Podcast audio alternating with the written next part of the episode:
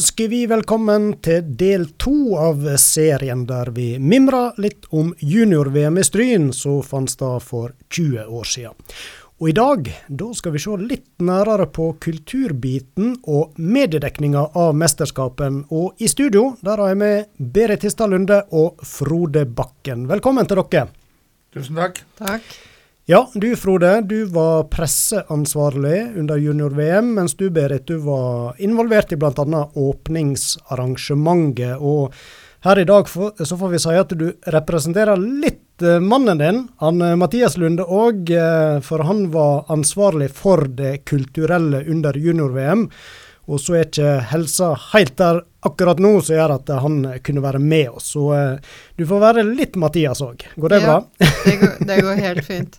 Kjempeflott. Uh, vi kan starte litt sånn generelt, tenkte jeg. Og Frode, starte med deg. Hva minne melder seg når vi sier junior-VM 2004? Oh, masse gode minner. ja. Masse gode minner. Mye spent var vi. og i det hele tatt så var det jo bare en fantastisk arrangement vi fikk lov til å være med på. Og ja, det har gitt uh, assosiasjoner for uh, idretten langt, langt uh, fremover i tiden. Det, det var bare helt topp. Mm. Alt, alt funka. For nøyaktig 20 år siden, da var det et par dager igjen til åpningsseremonien. Og der hadde som sagt du, Berit, en liten finger med i spillet. og kan du huske, var det noe spenning hos deg da, eller? ja, det var det helt sikkert. Ja. Uh, ja. da. Nei, vi var spente alle sammen. Men uh, det var jo godt forarbeid der også, da. Mathias han hadde gjort uh, litt research på navnet Ulsheim. Ja. For det var sånn at mange lurte på hvorfor det egentlig het Ulsheim der ute. Og så laget han et lite skuespill hvor det var sånn at skiguden Ull var med i skuespillet. Og det er grunnen til at det heter Ulsheim der ute. Ja, kanskje var det noen som lærte noe nytt akkurat nå òg, for de som ikke var, var der under åpningsseremonien. Det kan nok hende, ja. Greit å minne på. Vi kan prate litt mer om den åpninga om eh, et lite øyeblikk. Men eh, andre minn, har du det sånn var det hektisk, og eh, tankene dine var andre plasser enn å ja, jeg delte meg litt da mellom to uh, forskjellige oppdrag. Og det ene var å instruere uh, det som skulle være på scenen. Og det andre, det var da blomsteroverrekking ute på Ulsheim. Det vil si, det var ikke blomsteroverrekking. Vi hadde noe istedenfor blomster. Vi hadde noen små kranser ja. Som faktisk så ut som disse seierskransene som de bruker eh, ved sportsarrangement. så her var alle vinnere? ja, her var alle vinnere. Det var jo et VM, så det var veldig høytidelig og veldig fint. Ja. Men uh, siden du var nå i gang å fortelle litt om dette uh, stykket, da, spelet, minispelet som var lagt inn som en del av åpningsseremonien denne 2.2.2004. Um, husker du mer uh, hva det gikk på? Altså, det var skiguden Ullal da? Den, ja. Mm. Du skulle jo egentlig huske like mye som meg, da. Fordi ja, at du jeg hadde, var med. du hadde hovedrollen. Det var du som var skiguden Ull. Ja. ja. Men vi var like blanke et øyeblikk når vi skulle begynne å mimre om dette for noen dager siden. Ja, det er sant, det. Men du har kommet litt videre, eller? Ja, eh, jeg skjønner jo det at eh, innholdet var egentlig basert på at eh, Ull skulle være sammen med tre norner som het Urd og Skuld og Verdande. Mm. Og disse nornene, de ropte på skiguden Ull. Og eh, når han da viste seg, så eh, begynte de å fortelle litt om hvem som var til stede, osv. Og, så og de snakket på norsk og på engelsk og på tysk. Ja, der eh, mener jeg òg å huske det var litt sånn måtte børste støv av gamle tyskuttaler. Ja, nettopp. Det tenker jeg du greide fint. Det gikk sikkert bra, uten at jeg husker det. Og så var det vel noen uh, Vi er jo kjent for litt hvetende. Altså disse her en uh, bål, ja, her i, inne i fjorden. Og det òg var vel en del av dette åpningsstykket? Ja, det var det absolutt. Det var jo et sånt En happening til slutt. Mm. Fordi at når de da hadde snakket sammen på scenen om dette som skulle skje her, osv., så, og så var det sånn at de eh, hadde laget til noen bål i, på forskjellige steder rundt sentrum. Og da skulle du peke ut. Eh, og det var signalet på at de skulle tenne disse bålene som da var laget i stand. Da var det om å gjøre å få fyrstikka tent. Ja, nettopp. Det var ett bål som hadde Der var det litt problemer. Det vet det jeg i etterkant. Ja da, for det, var lagt noen tøystykker der som egentlig var flammehemmende. de var dynket i bensin, men de var flammehemmende, så Oi. det ble litt problem. Men det gikk bra Ja. etter hvert. Ja. Og denne åpninga, det var jo mange andre ting som skjedde òg. Det var dans ifra Gloppen, og det var spilling på lur. kved, Ja, kvederne i. Håndalen. Eh, og litt forskjellig som foregikk seg. Og eh, den eh, gjorde inntrykk på flere. Og jeg har fått låne noen klipp fra NRK Sogn og Fjordane. Og der Jeg tenkte vi kunne starte med selveste kulturministeren på denne tid. Husker dere hvem det var? Svarstad. Ja, Svarstad Haugland, Valgjerd. Mhm, Og vi får høre hva hun syns om denne åpninga. Vi har akkurat vært gjennom åpningsseremonien, og kulturminister Valgjerd Svarstad Haugland, eh, jeg personlig vil kalle dette Lillehammer i miniatyr. Hva sier du da? Nå fikk ikke jeg med meg åpning av Lillehammer, for da var jeg i Afrika. Men dette var iallfall bra. Og jeg syns de eh, har eh, fått et flott arrangement. Der de viser både en del av det norske, det norrøne og det internasjonale. Så sammen så var dette ypperlig. Fred er et stikkord som går igjen og igjen, og eh, vi så det òg i dag. På en måte så tenner de fred, eh, fredsbål rundt omkring i lia i hele Stryn. Jeg eh, sto og så på utøverne, og på dem så gjorde dette stort inntrykk. Hva med deg som kulturminister å se noe sånt? Jo, det var flott. Og de hadde fått det så flott til og at disse bålene ble tent akkurat på rette tidspunkt, slik at de knyttet det opp til det de sa. Og eh, biskop Hagesæter, som hadde ordet etterpå, klarte òg å veve det fint inn i sitt budskap til eh, alle oss som sto og fikk med oss åpningsseremonien. Så dette kan eh, en være stolt av. Ja, det gjorde inntrykk. eh, Båltenninga, Berit. Den gjorde nok det, Ja. ja, da. Og jeg tror at kostymene som de hadde på seg, de ble også lagt merke til. Det som du hadde på deg, da, som var et vikingkostyme, Mm. og som også disse nornene, gudinnene, hadde på seg, det var vikingkjoler og flotte kostymer som hun eh, Tove Kjørstad hadde sydd. Og så eh, forstår jeg at uh, det er ett kostyme som fortsatt ikke har dukka opp igjen etter åpningsseremonien. Og det var mitt kostyme. Ja, det stemmer. Uff a meg. Ja, for det ble hengende inne i garderoben på idrettshallen. Ja. Og da jeg kom og skulle ta det med meg og ta vare på det, så var det borte. Og det er ennå ikke dukket opp igjen. Nei, det stemmer. Hva verden. Det, det får være litt av sånn uh, etterlysing, dette her. Hvis det er noen som skulle ha det hengende og føle på dårlig samvittighet, så er det mulighet til å gi det tilbake uten, ja, uten straff. Ja, ja, det, det er det. Ja Ja. da. Kjempebra. Vi vil gjerne ha det igjen. um, Frode, fikk du med deg eh, åpninga, eller var du eh, helt andre plasser og hadde andre oppgaver? å ta deg av? nei. Unnskyld. Husker åpningen veldig godt. Ja. Vi var jo en hovedkomité som gikk i spissen av et fakkeltog. Masse mennesker. Jeg vet ikke hvor mange stryninger som var ute og gikk, men det var kanskje 2000-3000. ja, det ble antyda iallfall mellom tre og fire, uten at jeg kan garantere det. var det nok helt sikkert. Ja. Og det er klart, når vi gikk rundt her og førte den støtten fra lokalbefolkningen, så betydde jo det veldig mye for vi som hadde sittet i en komité og jobbet i to år. Det var mye forarbeid Ja. til alt dette her. Og kom inn på, inn på inn Strynehallen, og det var jo rigga opp veldig bra, da. Jeg må si det. Det var flott. Så hadde vi en speaker som gjorde en kjempejobb, sånn at vi fikk en god eh, følelse. Og han snakker jo alle språk, Kjell Erik Kristiansen. Ja. Som vi kan fortsatt høre når han er speaker rundt om i verden. Han er jo et unikum når det gjelder å, å, å kommunisere med publikum. Den, den taleførheten hans er jo bare helt enorm. Og den betydde veldig mye, faktisk. For han gjorde en god jobb i forhold til det å få med oss ikke bare vi eh, funksjonærer og arrangementskomité men få med hele befolkningen på en flott åpningsseremoni som ble gjennomført på et utrolig bra nivå. Jeg må si det. Jeg har vært med på det før. Jeg har vært med på worldcuparrangementer rundt om i verden, så jeg vet hva det betyr. Ja. Eh, det var flere prominente gjester i eh, Stryn disse dagene her. Vi nevnte kulturministeren. Skipresidenten var òg. Skal vi høre hva han eh, syns om denne starten på arrangementet?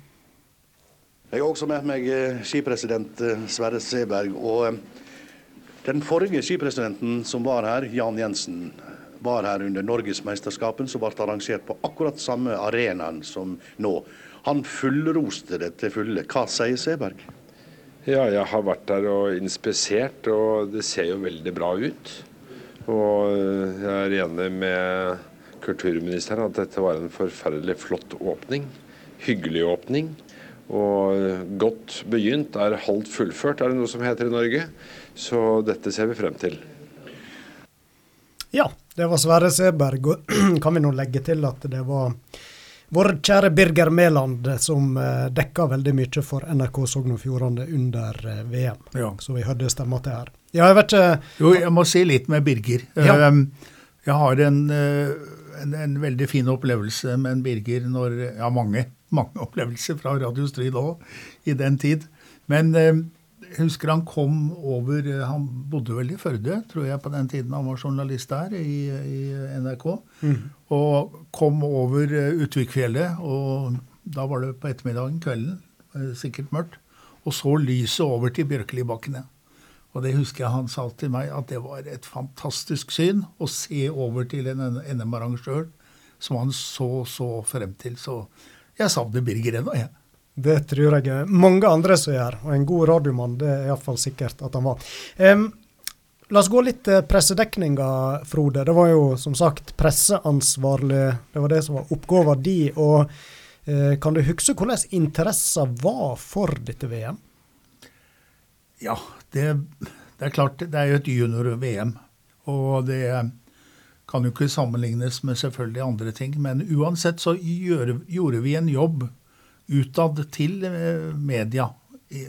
Selvfølgelig mest nasjonalt, men også internasjonalt til Finland, Sverige, som jeg hadde gjennom mine kontakter i eh, sommerskisesongene.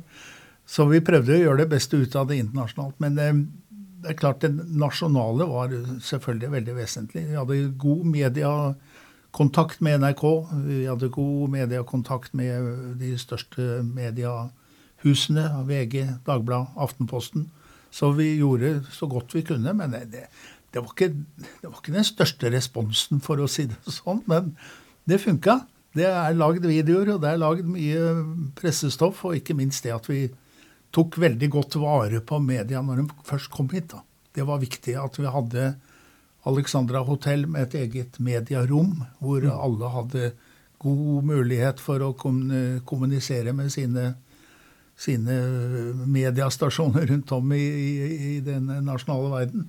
Så vi gjorde så godt vi kunne. Men eh, så hadde vi jo disse pressekonferansene som bl.a. som jeg nevnte, Kjell Erik Kristiansen eh, var med og bidro til at det ble en internasjonal preg i og med at han var så språkmektig. Han snakket jo seks-syv språk eller noe sånt. Ja. Men eh, var de til stades de store avisene som Dagbladet og VG? Og ja, de var vel kanskje ikke fysisk til stede, men de hadde jo sine kommunikasjoner rundt om. Men eh, altså et junior-VM er ikke det samme som et ordinært senior-VM. Det må vi bare innrømme. Men eh, vi fikk mediedekning, det gjorde vi. Og vi gjorde så godt vi kunne. Og spesielt nasjonalt så ble det jo veldig bra. Mm. Det må vi si. Det, det dukket opp mye mediestoff rundt omkring. Ja. Vi kan høre hva tanker du gjorde deg innledningsvis i mesterskapet. Vi har et lite klipp av deg òg, Frode. La oss høre på det. Ja, I bakgrunnen så hører vi folk som spiller litt instrument, og jeg står med pressesjef Frode Bakken òg. Hvordan eh, er presseoppbudet for et junior-verdensmesterskap? Så langt så syns jeg det ser veldig bra ut. Vi eh, er alltid spent på hvem som kommer såpass langt unna på Vestlandet som vi er. Men når det gjelder den nasjonale pressen, som jeg anser kanskje som det viktigste for oss som arrangør, det er veldig bra. Her får vi alle de store avisene, og vi har jo da, ja, vi har jo dere med, og vi har også hatt fjernsynet fra NRK her i dag, og de kommer igjen i uka. Når det gjelder de utenlandske pressene, så er de viktige nasjonene som Sverige, Tyskland, Finland og faktisk også Polen kommer for å dekke og filme under hopprennet. Og så kommer det et filmteam også fra USA. Jeg har hørt at det italienske fjernsynet er for å filme blonde norske jenter. Ja, de finner dem her, så det skal gå an, det. Ja, Ja, det var vel en klassisk Birger Mæland-kommentar til slutt der. Ja. Ja, Det da. var litt Men- eh, konkurranse med musikerne i bakgrunnen, men ellers hører vi jo det var litt samme som du svarte i stad rundt pressedekninga, at det var både internasjonal og nasjonal interesse. da. Det var det. Og det, det er klart, Stryn for mye media var jo ikke ukjent i forhold til eh, det vi hadde eh, i forkant av arrangementet gjort på Strynfjellet. Sommerskidelen, det betydde en god del, og den brukte vi jo litt grann når vi henvendte oss ut litt i verden. da. Ja, for å plassere geografisk, Ja. rett og slett. Ja, få dem til å få interessen. Men vi må huske på det var 21 nasjoner med deltakere som kom hit til Stryn under arrangementet. Var ikke jeg 30?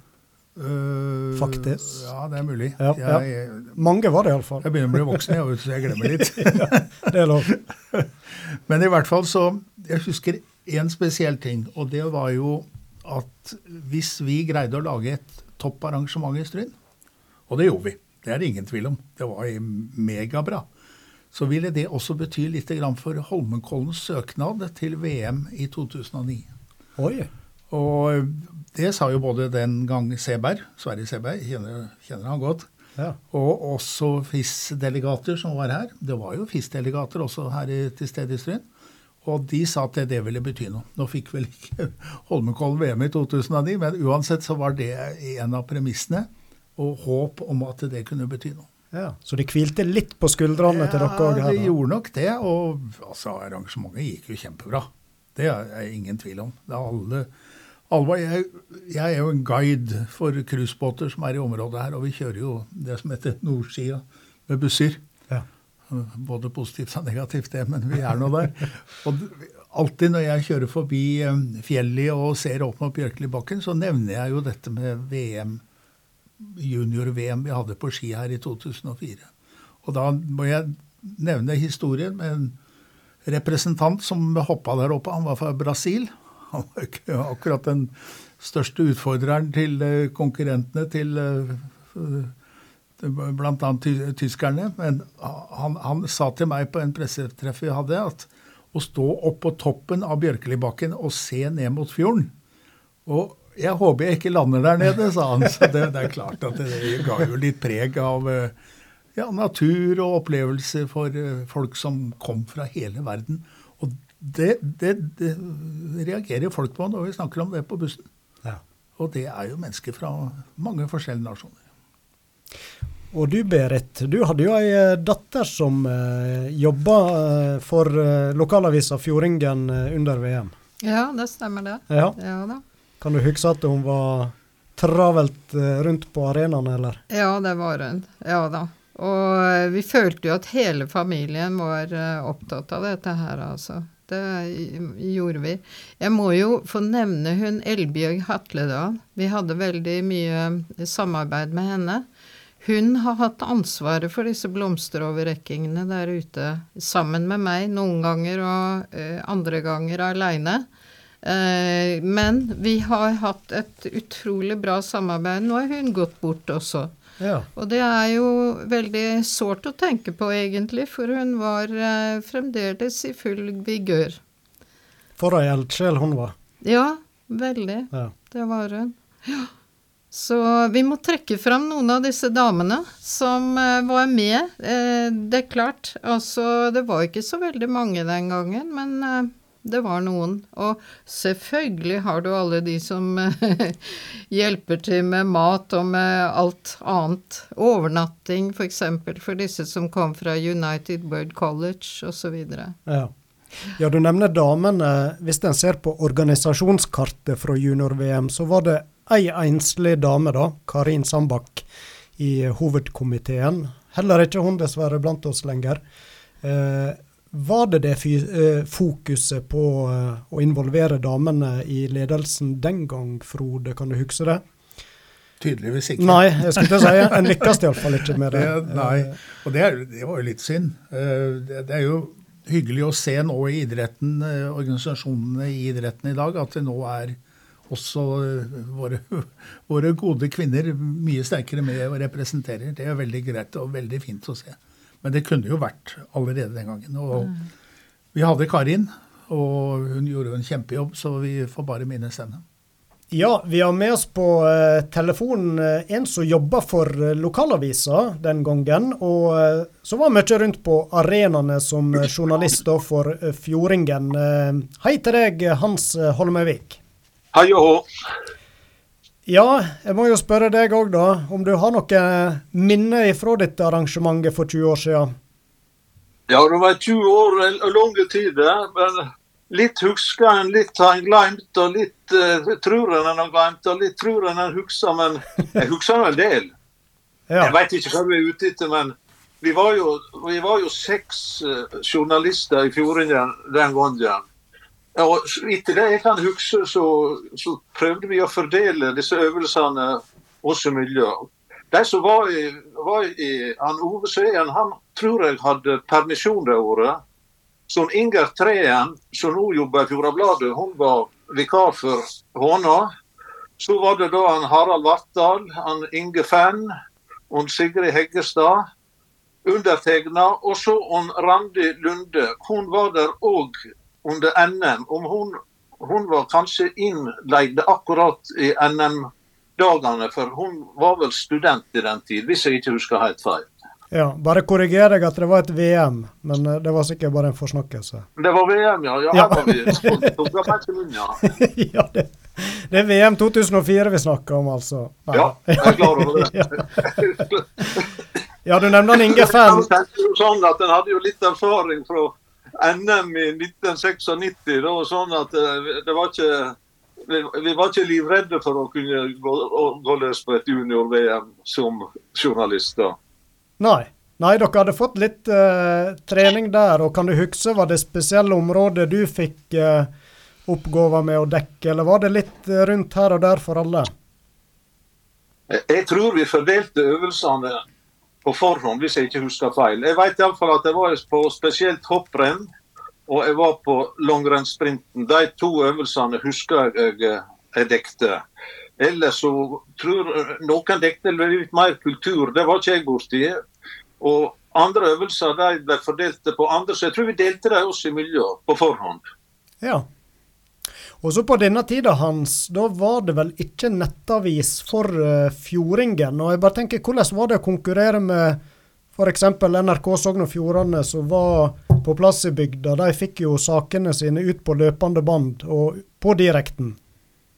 Ja, nei, det er klart at vi ble jo litt uh, uaktuelle på den måten, da. Men nå, vi var jo en lokalavis og var klar over at vi ikke kunne, ikke kunne konkurrere på tid.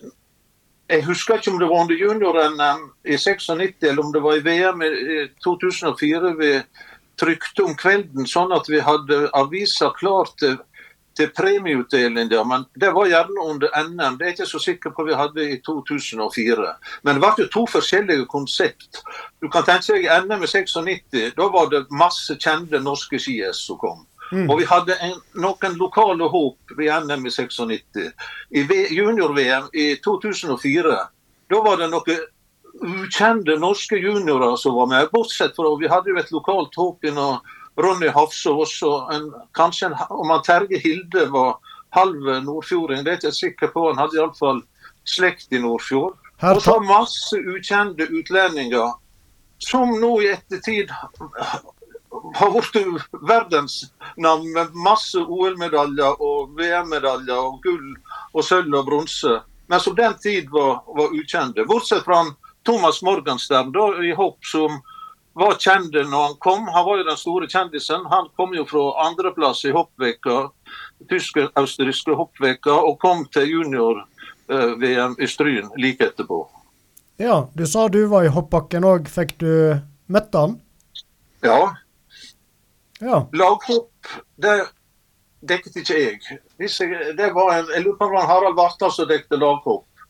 Der, det gikk først tidligere i veka. Der var, han, der var han Thomas Morgensen beste hopperen. Og Østerrike vant relativt suverent før Polen.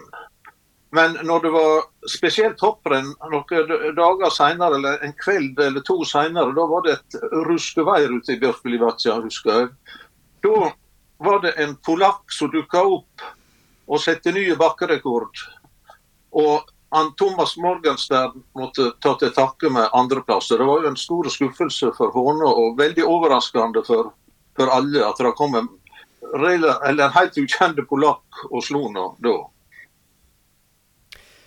Klarer du Det var en veldig fin kveld. Det var, det var, selv om det var dårlig vær, så husker jeg det var fin, fin stemning. Men han, han, han Matejs Rutkowski, som han heter han som vant, han setter ny bakkerekord med 104,5 meter, husker jeg. Jeg husker spesielt navnet, for den samme Rutkowski las vi nå i media i begynnelsen av januar at han dessverre avgikk ved døden. Og, og da skrev polske medier dette her, at han var et lovende talent som ble juniorverdensmester i Stryn i Norge og sette ny bakkerekord. Det sto i polske medier nå i januar i forbindelse med dødsfallet. Ja vel. Ja. Det var det jeg var på vei å spørre deg, Hans. Klarer du å huske om det var mest stress disse dagene, eller var det kjekt òg? Jeg tenker det var en liten redaksjon og mye en skulle rekke over. Klarer du å huske litt stemninga i, i lokalene i Fjordingen? Men det var både spennende og stressende. Det er klart at det som, gjorde, det som var spennende, det er jo alltid kjekt å dekke store begivenheter. Men det som gjorde det stressende, var jo det at du kjente nå ikke Du visste ikke hvem som vant, visste ikke navnet, ikke kunne de snakke engelsk. Det var jo mye russere og kasakhstanere og og østerrikere og tysktalende som vant og som ikke kunne engelsk.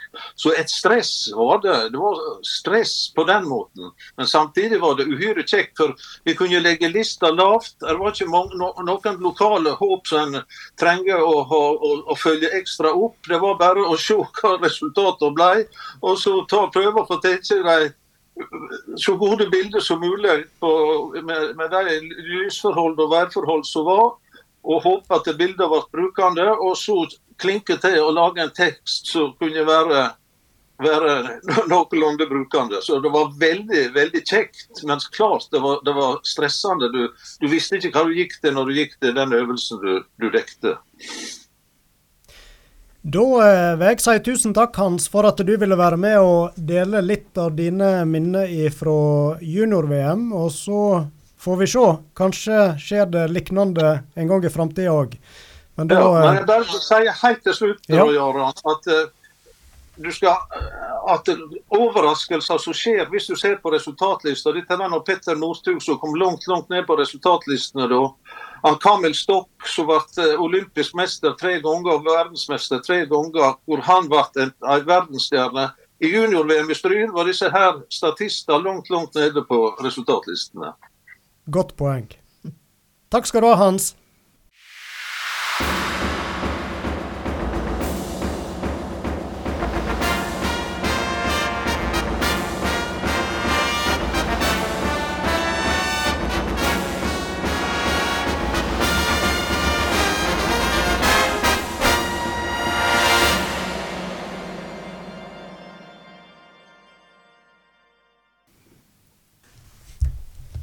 Én ting som hører med i en mesterskap, det er fanfaren. Og på mange måter så blir jo den en rød tråd gjennom arrangementet. Ifra åpninga og gjennom alle de ulike medaljeseremoniene.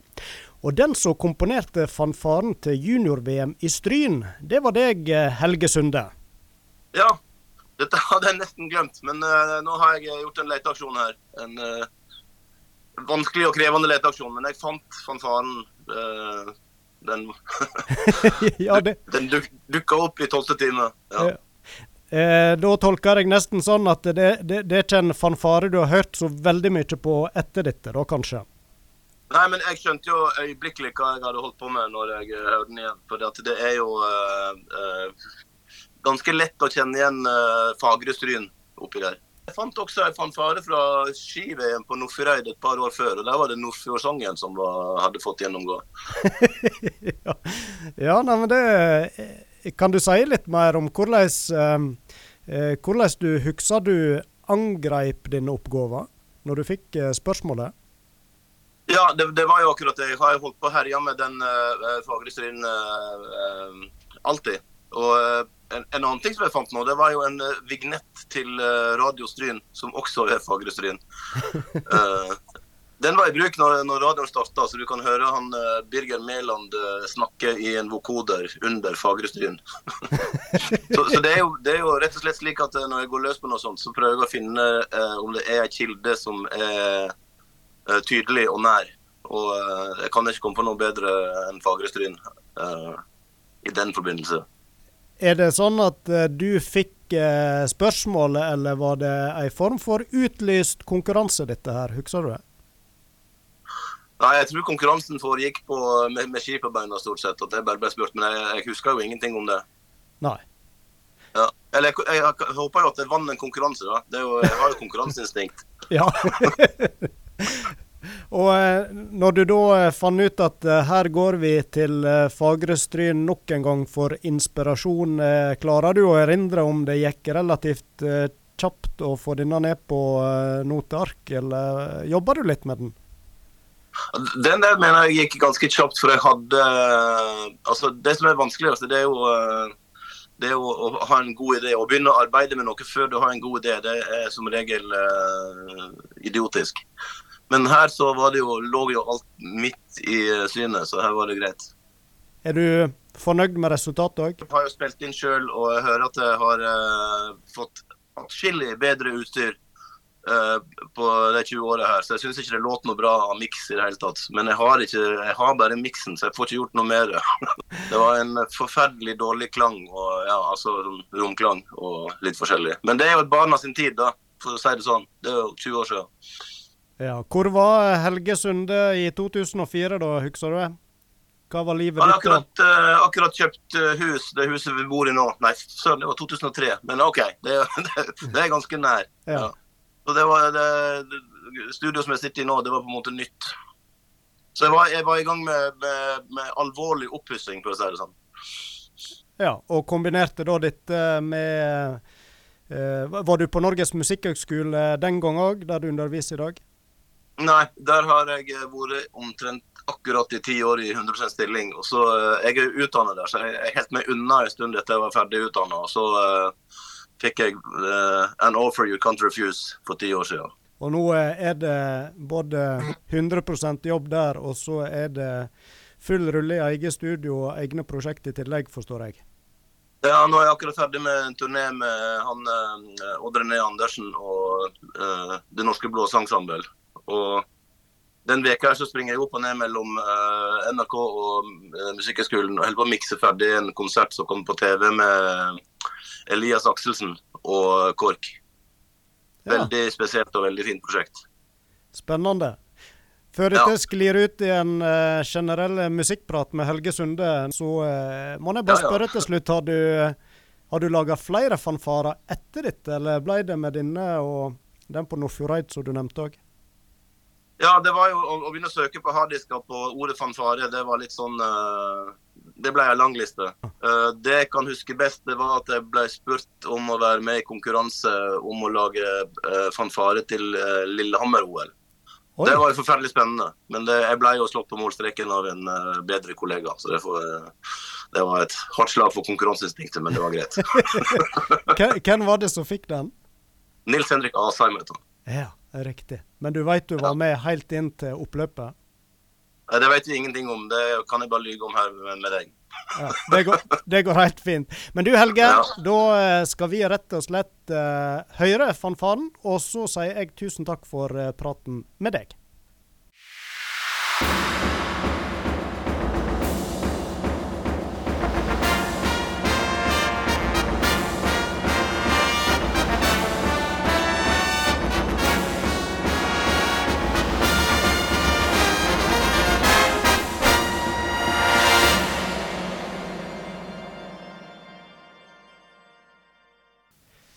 Jeg tenkte at vi, vi, vi må snakke litt mer om eh, den kulturelle biten oppi arrangementet. For det, det, var jo mye som skulle skje på få dager her, Berit. Og eh, han eh, Mathias var nå som sagt både kultur- og seremoniansvarlig. og jeg vet ikke, Har dere snakka litt om disse februardagene og mimra litt i forkant av at du kom her nå? Ja, vi har det. Eh, det som jeg husker, og han husker veldig godt, det var det at vi var veldig heldige med været til å begynne med.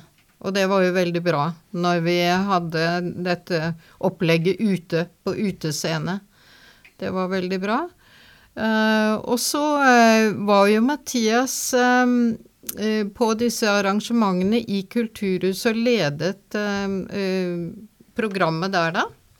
Så han Og det var to forskjellige eh, forestillinger. Det vil si forskjellige, de var vel like, to etter hverandre i Kulturhuset. Fordi at eh, det var så mye folk at de måtte faktisk ha to forestillinger. Ja. Hva type arrangement var det? Ja, da hadde han med disse fra United World College på scenen, blant annet. Og eh, jeg husker ikke så mye av programmet ellers, det må jeg bare innrømme. Men eh, det ble i hvert fall godt mottatt. Jeg bladde litt i denne VM-avisa som ble gitt ut i forbindelse med mesterskapen. Og ja, eh, du nevner jo det i Kulturhuset, internasjonal kulturkveld, er det sikkert du tenker på. Mm. Og I tillegg så ser jeg Eva Wehl Skram og Anne Merete Ørdal de hadde en ABBA-konsert på Per Bolstad plass. Ja og så var Ytre Suløen Jazzband. De var i Nedstryn kirke og hadde konsert. Og så eh, så jeg òg et stort oppslag om en ungdomsfest, og det tror jeg kanskje var eh, arrangert av eh, Lions, som sto bak det. En ungdomsfest i Strynehallen der bl.a. en som heter Erik Faber. Han var nok en populær artist for 20 år siden. Eh, var et av trekkplastra. Og jeg mener jeg så òg at der var det fullt uh, fullsatt eh, Stryne hall fra ja. hele Nordfjord. Det var satt opp busser. Så det, det var litt eh, sånn forskjellig som foregikk seg. Ja, det var det. Absolutt. Eh, disse her nornene som var med på scenen, gudinnene, jeg må jo få uh, snakke litt om de, for der hadde vi både Liv Merete Kroken og hun Sigrid Maldestad med. Um, glemte du om Silje Guddal? Ja, det gjorde jeg. jeg eh, Silje Guddal var også med eh, som en av disse nordmennene. Hun eh, het Skull da, på scenen, og hun Li Merete Kroken hun var Urd, og Sigrid Moldestad var Verdande. Og hun Sigrid Moldestad spesielt er jo blitt veldig kjent i ettertid, og det er veldig moro å tenke på at dette var et av de første kanskje litt store programmene hun hadde. Og så hadde, var hun også med i Spindel, og de hadde også en eh, konsert seinere.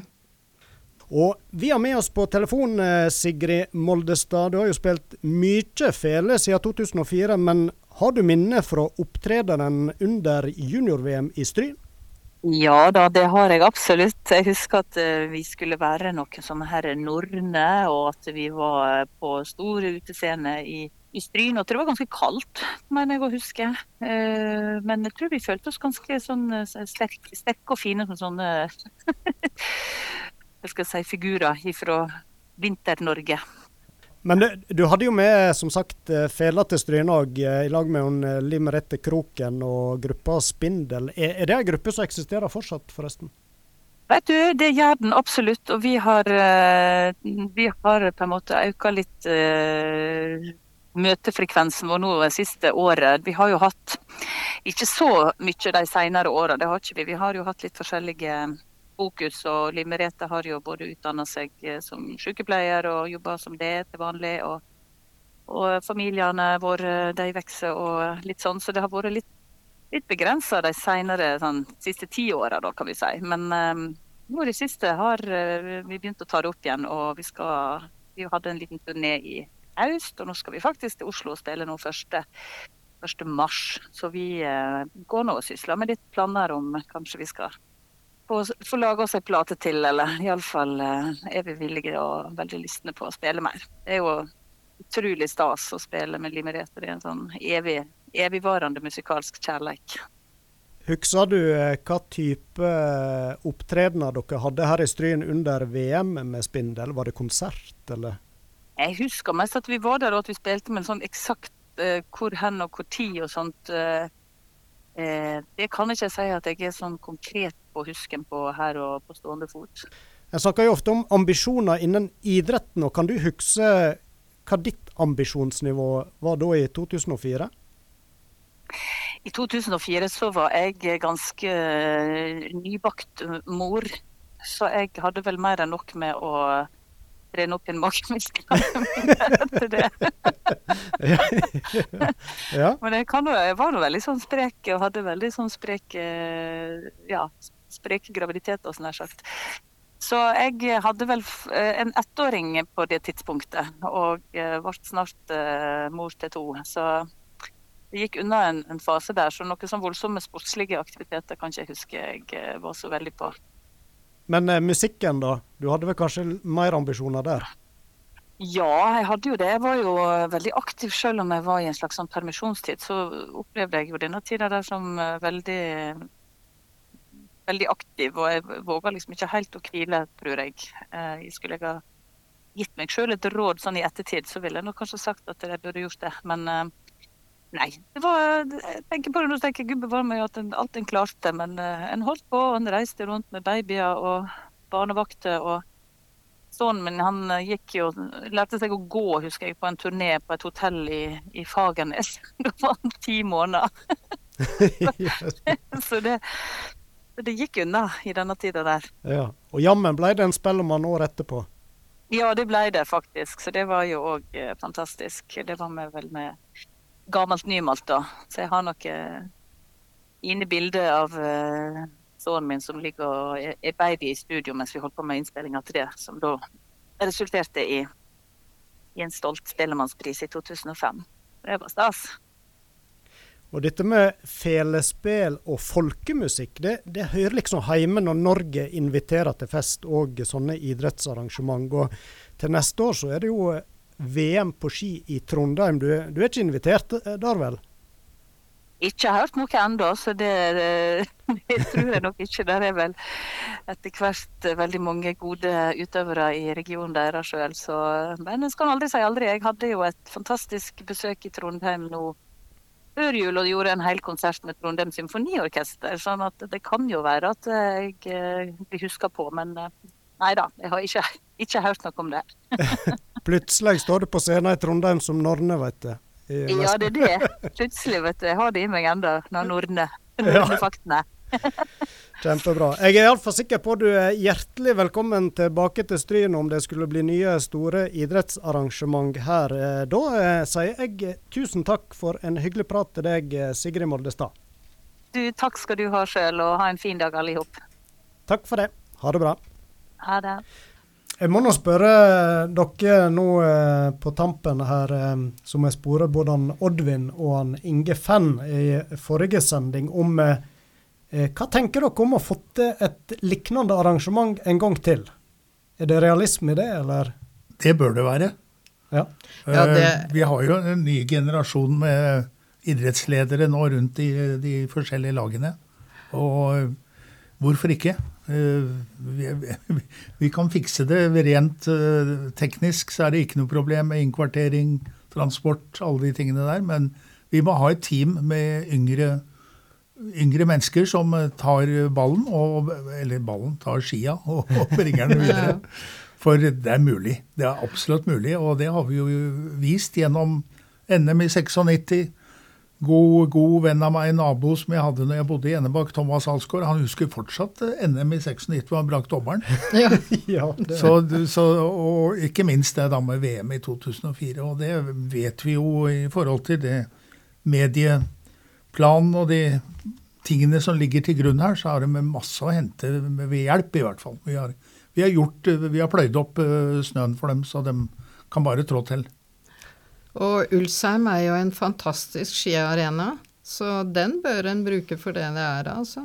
Absolutt. Hadde dere tegna dere på funksjonærlista en gang til, eller? Ja da. Ja, da. Gjerne det. Vi, skal gjerne, være- jeg vil gjerne være med og hjelpe til, men eh, jeg, jeg syns det er noen som må ta et initiativ. Vi har jo tross alt Stryn på kartet hver dag når det f.eks. er skiskyting nå. Ja. Og det er gull verdt, altså. Ja. Og vi har eh, yngre kirkeeide som kommer her. Vi har masse lovende skiskyttere og langrennsløpere i distriktet her. Så nei, nå må de ja, stå på. Så bra. Da har vi iallfall to funksjonærer på lista. Mangler bare 398. da eh, Berit Histad Lunde og Frode Bakken, da vil jeg si tusen takk for at dere tok eh, turen hit og eh, delte litt eh, minner med meg og lytterne. Mm. Takk for at vi fikk lov å komme. og jeg syns det er veldig fint å se at vi kan få til ting med det vi har gjort tidligere. Og funksjonærene, de, de står i kø, dem. Det er bare, bare å trå til i en hovedorganisasjon. Ja, det- det så er det bare nok. å trå til. Ja. Det er jeg helt sikker på. Vi lar det bli siste ord.